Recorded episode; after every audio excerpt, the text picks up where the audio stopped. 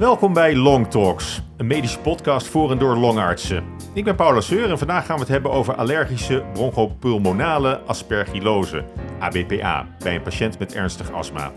Hoe stel je de diagnose? Wat zijn de criteria? En hoe is de behandeling? Bij mij in de studio zijn Gertjan Braunstaal, longarts, en Hanna Kuiper van der Valk, longarts in opleiding, beide werkzaam in het Franciscus Gasthuis en Vlietland in Rotterdam. Nou, welkom, goed dat jullie er zijn. Ja, dankjewel. Dankjewel. En uh, ja, op de poli ben jij een uh, interessante casus tegengekomen, Hanna. Um, kun, je, uh, kun je daar wat meer over vertellen? Ja, natuurlijk. Ik heb een interessante patiënt gezien op mijn poli. die kwam eigenlijk in beeld in 2017. hij kwam toen bij ons in het Franciscus Gasthuis in Vlietland in Rotterdam. En in die tijd betrof het een 18-jarige jongen. jonge man, hij was, had een Carpverdische achtergrond. En uh, in zijn voorgeschiedenis had hij eigenlijk alleen maar astma. En dat was uh, vastgesteld door de huisarts. Hij werd hiervoor behandeld met de inhalatiecorticosteroïden. En uh, verder was het eigenlijk een gezonde jongen. Dus gewoon een jongeman met een inhaler. Ja, klopt, klopt. waar die maar hij kwam heel anders binnen hoor. Hij kwam heel acuut benauwd binnen op de spoedeisende hulp. Hmm. Um, ja, uiteraard hebben we toen meteen een foto gemaakt. En op die foto zagen we een, een pneumothorax. dus dat verklaarde ook meteen waarom ze en waarom hij zo acuut benauwd was. Um, ook daar heeft hij meteen een drain gekregen en is hij naar de afdeling gegaan. Uh, nou, na een paar dagen knapte hij gewoon goed op is, en is uh, weer naar huis gegaan. Ja, maar hij kwam weer bij jullie terug. Ja, hmm. ja. we maken altijd uh, nadat mensen op de spoedeisende hulp uh, zijn gekomen weer een controleafspraak. En eigenlijk tegen verwachting kwam hij eigenlijk slecht binnen. Uh, hij was aan het hoesten, hij had het benauwd, hij voelde zich niet lekker, ook op school ging het niet goed. Ehm, dus ja, het was toch niet helemaal zoals ze gehoopt hadden. Um, en ja, met in gedachte dat hij bij de huisarts al een astmadiagnose had gekregen. En met die kliniek, zoals die bij ons binnenkwam, uh, hebben we de longfunctie herhaald. En ja, dat gaf een heel duidelijk beeld. Uh, er was uh, sprake van astma. Hij voldeed aan de criteria, had forse reversibiliteit en ook een obstructie. En de diffusie was daarbij ongestoord. Ja, maar goed, astma, ernstig astma, en, maar dus ook die ABPA. Ja, eigenlijk kwamen we daar pas later achter. Uh, in het begin gingen we hem gewoon hm. behandelen met inhalatiecorticosteroïden. Die Symbicort beviel hem goed. We dachten misschien moeten we dat een beetje ophogen en zal het dan beter gaan. Uh, maar dat bleek ook niet te helpen. Um, en ja, toen hij toch vertelde dat hij echt wel achteruit ging en ook uh, sputumpluggen bleef opgeven en mm. bleef hoesten. Hij viel ook af, hè? Of niet? Ja, en ook heel erg uh, viel hij af. En het was al zo'n jonge man die al zo slank binnenkwam, dus hij kon het eigenlijk niet hebben. Um, dus ja, toen zijn we toch verder gaan kijken. Ja, dus toen zijn jullie meer diagnostische tests uh, gaan doen? Ja, ja, als eerste hebben we toen een uh, scan gemaakt, een HR-CT. En uh, ja, die toonde eigenlijk al een heel uitgebreid beeld. Je zag in de bovenkwabben zag je allemaal consolidaties. Het ook echt uitgebreide bronchiecten zie je. mucusplugging zag je. dus er was veel aan de hand op die scan. Ja, dus eigenlijk heel veel verschillende aandoeningen. Hoe, hoe kan je dan eruit pikken wat je kan, uh, kan adresseren met, met een behandeling? Ja, differentiaal diagnostisch uh, denken we dan vaak. En uh, wat, wat is het meest waarschijnlijk? nou, een ABPA stond inderdaad hoog in onze differentiaal diagnose. Ja, waarom? Um, ja, eigenlijk door dat beeld op die CT-scan en ook zijn kliniek met dat forse sputum opgeven dat vast zat. Uh, ja, het past allemaal in het plaatje. Past allemaal in het plaatje, ja. ja, Ook hadden we ook nog wel in onze gedachten uh, pulmonale tuberculose. Uh, vanwege de locatie van de afwijking op de scan. Ehm, ja, en dacht misschien heeft hij ook alleen, alleen last van zijn bronchiectasie. of is het een basale pneumonie. Uh, maar ABPA stond wel hoog. Mm -hmm. En tuberculose hebben jullie kunnen uitsluiten, denk ik? Uh, ja, hebben we uitgesloten. Uh, we hebben gevraagd of hij wat sputum in wilde leveren. En de TBC was daarop negatief. Ook hebben we een Montou-test gedaan en die was ook negatief. Dus toen konden we dat eigenlijk wel wegstrepen. Oké, okay. en um, de criteria voor ABPA, wat, wat, zijn het dan? Nou, wat heel erg belangrijk is, is dat je in ieder geval voldoet aan een onderliggende aandoening. En in ons geval was dat dan het ernstig astma. Uh, als je nog aan andere onderliggende aandoeningen kan denken, is bijvoorbeeld cystische fibrose. Uh, dus dat is eigenlijk een eerste stap. Uh, maar nou, daar was hier geen sprake van? nee, cystische fibrose heeft hij niet. wel had hij dat ernstige, ja, die ernstige astma. Mm -hmm. um, maar dan ben je er nog niet. je moet in ieder geval ook een type 1 allergische reactie hebben. Dus je moet ofwel een huidtest of specifiek IgE tegen aspergillus hebben. En ehm, ja, omdat wij eh, op het, eh, in de spoed doen we vaak een, een basispakket lab. Eh, dus dat hebben we uitgebreid en dat had hij ook. Had ook IgE tegen aspergillus in zijn bloed. Ja, en is dat, is het zeldzaam? ABPA in het algemeen of, of, of in, deze, in deze mate? Uh, nou, het is niet heel erg zeldzaam. Uh, je ziet het ongeveer bij uh, de ernstige astmapatiënt in 5 tot 10 procent van de gevallen. Maar heb je al dat specifiek IgE, ja, dan zit je wel rond de 40 procent prevalentie. Ja, en dat was bij deze patiënt was dat ook het geval? Ja, dat had hij ook. Ja, dus aan, dat, aan die criteria voldeed hij ook. Dat klopt. Um, ja, en als we nog even terugkomen op die criteria. Uh, wat ook uh, belangrijk is, is dat het IgE heel erg hoog is. Uh, dat had hij ook. Hij had een IgE boven de 4000. Dat is echt heel erg hoog. Ja, wat betekent dat? boven de 1000 zeggen we altijd is hoog. Ja. Dus dat is okay. ontzettend hoog. Ja. Um, je kunt, en dan zijn er nog een paar minor criteria waar je aan kunt voldoen. Um, en dat is bijvoorbeeld eosinofilie in het bloed. dat had hij ook. Hij had 0,8. Dat is ook erg hoog. Um, je kan nog uh, eh, IgG hebben tegen aspergillus. Nou, ook dat had hij. En hij had ook nog de radiologische kenmerken die erbij passen. Dus een echte ABPA. Ja, jullie hebben en, mooi en dan wordt het ja? pneumothorax daar eigenlijk ook bij? Uh, eigenlijk niet. Eigenlijk was dat de toevalsbevinding. Uh, die pneumothorax, zo kwam die binnen, maar dat staat er eigenlijk helemaal los van. Ja. wel is hij daardoor bij ons in het vizier gekomen. Maar daar hebben jullie verder niks mee gedaan? Uh, nou, als de pneumothorax eh, met een drain genezen is en uh, de pleura ligt weer mooi aan, dan ben je eigenlijk klaar. Uh, zeker als het eenmalig is. En dat zien we wel eens vaker bij jonge, lange mannen. Oké, dus hij heeft, die, hij heeft die drain gehad. Daarmee was dat probleem opgelost. Ja, dat konden we... Maar, maar, hoe hebben jullie die ABPA verder behandeld? Um, nou, in de eerste instantie dachten we dus alleen aan het ernstige astma. Dus hebben we die inhalatiekorticostieren opgehoogd. Maar ja, hij was ook niet zo therapietrouw hmm. hoor. Dat zie je wel vaker bij uh, jonge mannen en jonge mensen. Die, uh, die laten die inhalers liggen zodra ze uh, zich goed voelen. En dan kwam hij wel hartstikke benauwd bij ons op de poli. Hmm. En ja, dan gaven we hem een prednisonkuur, een antibiotica. En daar knapte hij wel weer van op. Ja, maar goed, prednison, dat, dat, dat ik bedoel, ik denk dat, dat, dat leken zoals ik, we hebben allemaal wel van prednison gehoord. Het is een beetje een algemeen middel misschien. Ja, prednison helpt wel heel goed, zowel tegen zijn aspa als zijn ABPA. Uh, maar hij had het wel inderdaad heel vaak nodig. Twee tot drie keer per jaar vonden we wel heel erg veel. En, en dat is niet uh, wenselijk?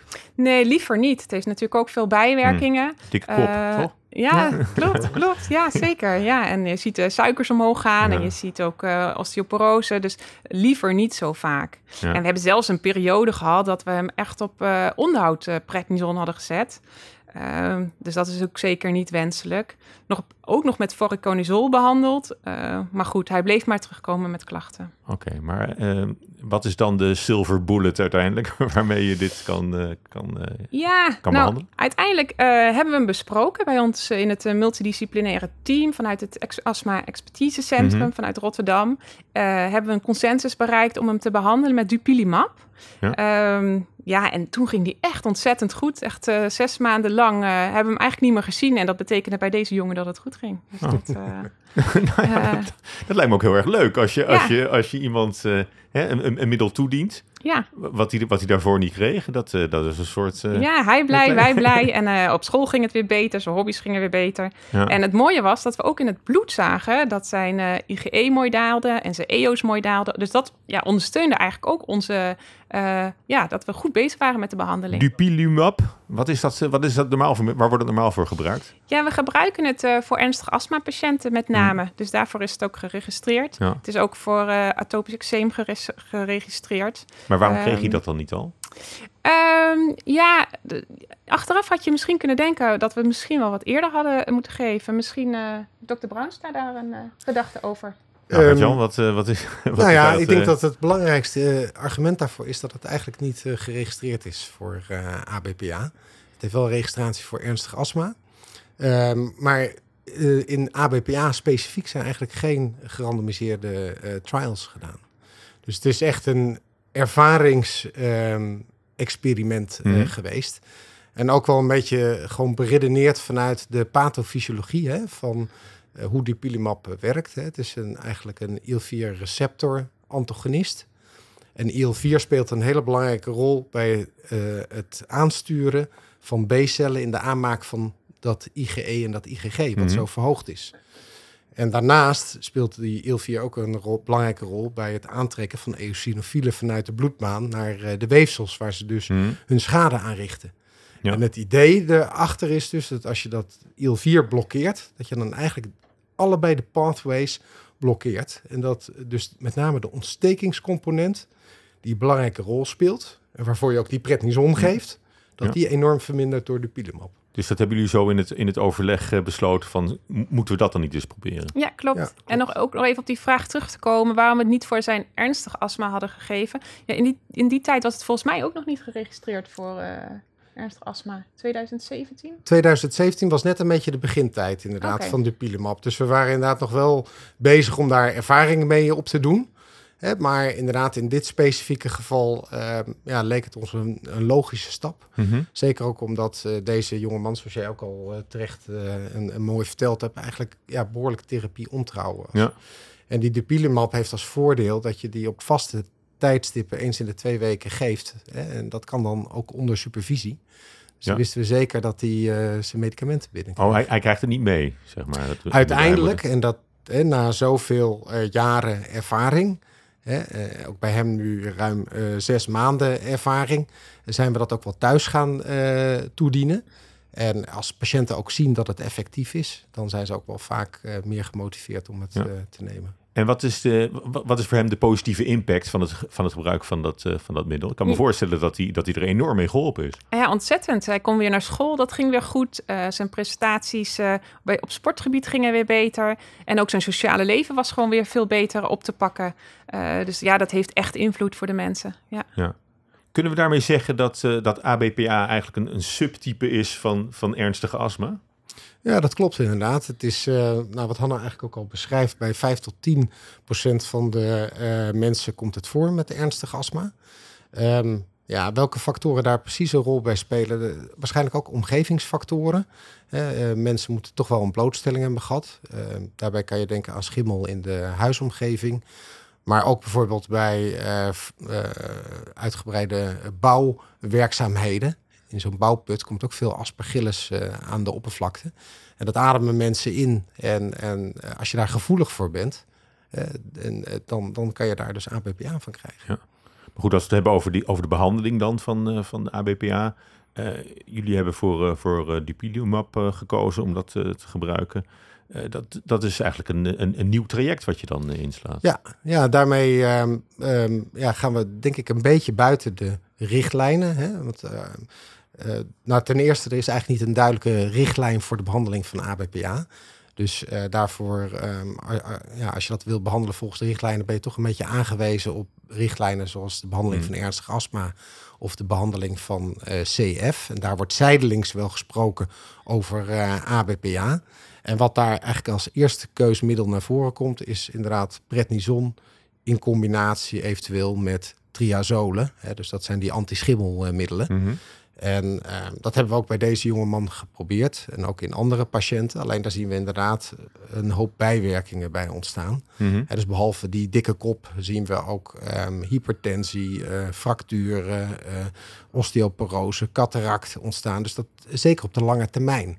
Zijn Dus het is een middel wat je wel- eh, ja. Eventueel kort kan geven om te Ja. kijken van of er een respons is. Ja. Maar voor de lange termijn zoek je eigenlijk een middel wat, wat veiliger is. En dat heb je hiermee eh, in handen. Nou ja, we hebben natuurlijk ook van dupilumab nog niet echt hele lange termijn eh, Nee. data. Maar met de ervaring eh, ook uit randomized controlled trials die we nu hebben.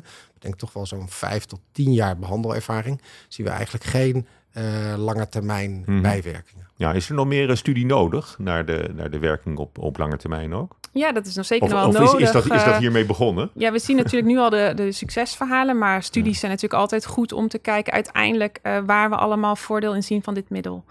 Ook zeker op lange termijn. Ja. En ehm Gert-Jan, ik, ik wilde nog vragen aan jou. ehm, bij allergie zeggen we vaak blootstelling vermijden. Hoe zit dat bij ABPA? Ja, nou, ik denk dat, er, dat het zeker belangrijk is om te kijken van of je een oorzaak kan vinden. Dus als er inderdaad uh, veel schimmelexpositie is doordat iemand een slecht geventileerde woning heeft of een natte kelder of een, uh, een douche die gewoon niet helemaal uh, ja, goed gereinigd is, zeg maar. Ja, dan zijn dat wel dingen inderdaad om aan te pakken. En daar kan bijvoorbeeld een huisbezoek heel goed bij helpen. Dus zeker goed om naar te kijken. Alleen, ja, het is niet compleet te voorkomen. Omdat ik ook zei, ook in de buitenlucht zijn ook die schimmeldeeltjes aanwezig. Als je maar goed genoeg gevoelig voor bent, ja, dan kan je toch een exacerbatie krijgen. Ja, dus een beetje vergelijkbaar met de inhalatie, allergie, boompollen, gaspollen. Je ja. kan het een beetje vermijden, maar totaal gaat het ja. natuurlijk helemaal niet nee. lukken. Nee, nee, dat gaat niet. Nee. Okay. Maar goed samenvattend uh, kunnen we dus wel zeggen dat uh, die, die pilumab een effectief middel uh, lijkt bij de behandeling van, van ABP. Ja, ja, ik denk het wel. Ik denk dat er wel nog natuurlijk uiteraard meer naar gekeken zou moeten worden. Wij zijn nu zelf onze ervaringen in tien patiënten aan het opschrijven en dat willen we ook publiceren. Her en der zie je steeds meer ook van dat soort eerste observationele studies gepubliceerd worden. En ik denk dat het uit uiteraard uh, dan op een gegeven moment tijd wordt om een echt een randomized control trial te doen in APPA. Om echt duidelijk ook ja. daar de effectiviteit, maar ook de veiligheid uh, aan te tonen. Ja. En, ja, en bijkomend voor, voordeel is natuurlijk dat, uh, dat het gebruik van steroïden fors kan worden teruggebracht. Ja, dat zou een heel mooi voordeel zijn. Ja, ja. het ja, is wel denk... een paardenmiddel, maar niet altijd fijn in het gebruik. Nee, ik denk dat zeker de meeste patiënten daar heel blij mee zijn. Want wat ons ook opviel in uh, die uh, case series was dat um, de steroïden eigenlijk in de helft van de patiënten compleet gestopt konden worden. Terwijl dat met eerdere behandelingen uh, zoals prednison en die triazolen eigenlijk niet mogelijk was. En dat ook eigenlijk met name dus de exacerbaties enorm omlaag gingen. Want je ziet ook tijdens die, die ABPA, die kan eigenlijk net als astma ook exacerberen. Dus dat betekent dat mensen echt aanvallen krijgen. En dat is ook eigenlijk uh, weg daarna. Dus al met al denk ik een hele mooie verbetering. Oké, okay, nou dat is dan meteen de vraag van hoe, uh, hoe gaat het nu verder met, uh, met, met, met de patiënt, hè? Waar, waarmee je begon? Uh, ja, het gaat natuurlijk om de oh, patiënt en in het inderdaad. Wat, wat is de prognose voor, voor, voor ABPA? Ja, op zich, als we het zo onder controle kunnen houden, dan heeft hij gewoon een goede prognose. daarnaast moeten we natuurlijk ook zijn astma onder controle houden. Ehm, maar zoals we zien, het afgelopen half jaar ging het goed met hem. En zeker ja, als hij niet exacerbeert, dan ja, dat is dan ook niet schadelijk. Dus dat is mooi. Ja, maar goed, hij is, hij is, hij is nog, niet, uh, nog niet terug geweest met acute klachten. Nee, hij is nog niet terug geweest. We hopen dat dat natuurlijk zo blijft. Uh, maar uiteraard zullen we hem vervolgen op de polykliniek. Ja, en is het een, een biological? Dat uh, dupilumab? Ja, dupilumab is een uh, biological. Dus dat uh, betekent dat het... je kan het een beetje vergelijken met een soort precisiebom. Hmm. Uh, in uh, verhouding tot de clusterbom die prednison is. Hè. Prednison mm-hmm. legt eigenlijk alles dus plat. schieten met schroot. Is dat... En inderdaad, een biological is een heel ja. specifiek middel... wat echt heel specifiek aangrijpt op een van de uh, elementen... in de inflammatoire cascade. En, en um, het heeft ook natuurlijk... dat soort biologicals zijn wel vrij duur. Ja. Dus dat moet maar je wel hebben, hebben, meenemen. hebben ook minder bijwerkingen, begrijp ik? Hebben ook minder bijwerkingen, ja. Maar helemaal niet? Of uh, is, nou, dat, is dat niet te voorkomen? Um, ze hebben ook wel bijwerkingen. Uh, ongeveer 10% van de mensen klaagt over uh, hoofdpijn, dan wel spierpijn of rugpijn of gewrichtspijn. Um, meestal is dat van voorbijgaande aard. Of paracetamolletje. Paracetamolletje en dan is het uh, leed wel enigszins um, verzacht. Maar je zegt, Voor sommige duur, je mensen, zegt, je zegt duur, de kosten zijn ook wel uh, ja, de een kosten, factor. De kosten zijn ook uh, toch wel een factor die je moet meewegen. Het is ongeveer per jaar is een behandeling 15.000 euro. Ja. Um, als je ervan uitgaat dat ABPA toch inderdaad een, een, vorm is van ernstige astma. En ook eigenlijk, eigenlijk denk ik ook binnen ernstige astma ook wel weer een van de ernstige gevallen vaak. Waarbij we echt alleen met hoge dosis steroïden iemand kunnen behandelen. Denk ik dat het gerechtvaardigd is om een uh, biological daarvoor voor te schrijven. En je moet je voorstellen als je natuurlijk al die opnames voorkomt. Dat zijn natuurlijk nog veel hogere kosten dan de medicatie. Uh, als die mensen drie, vier keer per jaar worden opgenomen. Dat, uh, ja, dat is duur. Ja, goed. Dus het is, het is een veiligere optie waar wel een prijskaartje aan hangt, maar dat verdien je deels terug door het uitsparen van, uh, ja, zeker. van, van, ja. van opnames, van ziekenhuisopnames. Ja. En zo kijkt de verzekeraar er ook tegenaan? Is Nou het uh, ja, is een beetje Ja, politieke dat- vraag uh, misschien? De verzekeraar, kijk, die kijken uiteindelijk wel natuurlijk ook naar de kosten, maar die kijken ook wel naar wat het uh, oplevert. En ehm, nou ja, gelukkig is een van de voorwaarden hier toch wel dat iemand een onderliggende ziekte moet hebben. Dan wel CF, dan wel astma. de categorie die wij zien als astma-dokters is natuurlijk de categorie met onderliggend ernstig astma. Dus dan heb je eigenlijk sowieso al wel een indicatie om het voor te schrijven. Oké, nou dank jullie wel. Hiermee uh, komen we aan het eind van deze aflevering van Long Talk. De belangrijkste punten waren dat ABPA 5 tot 10 procent van de patiënten met ernstig astma treft, dat de diagnose soms lastig kan zijn en dat traditionele behandeling met prednison of uh, triazole snel en effectief is, maar ook veel bijwerkingen kent en ook op de wat langere termijn lastig wordt. Ten slotte is er met de komst van nieuwe biologicals hoop voor ABPA-patiënten om van hun klachten en van de prednison af te komen. Dus dat is meteen een, een dubbelklapper. Nogmaals, hartelijk dank Hanna en Gert-Jan voor jullie bijdrage. Verder dank aan de stichting Rolex voor het mogelijk maken van deze aflevering, deze podcastserie. En tenslotte allemaal dank voor het luisteren naar deze Long Talk. De volgende aflevering gaan we het hebben over ja, een terugblik naar anderhalf jaar COVID in de ziekenhuizen en hoe daarmee is omgegaan en hoe we de winter ingaan daarmee. Hartelijk dank. Uh, we hopen dat je de volgende keer weer inlogt op deze podcast. Ik ben Paulus Seur. Graag tot de volgende keer.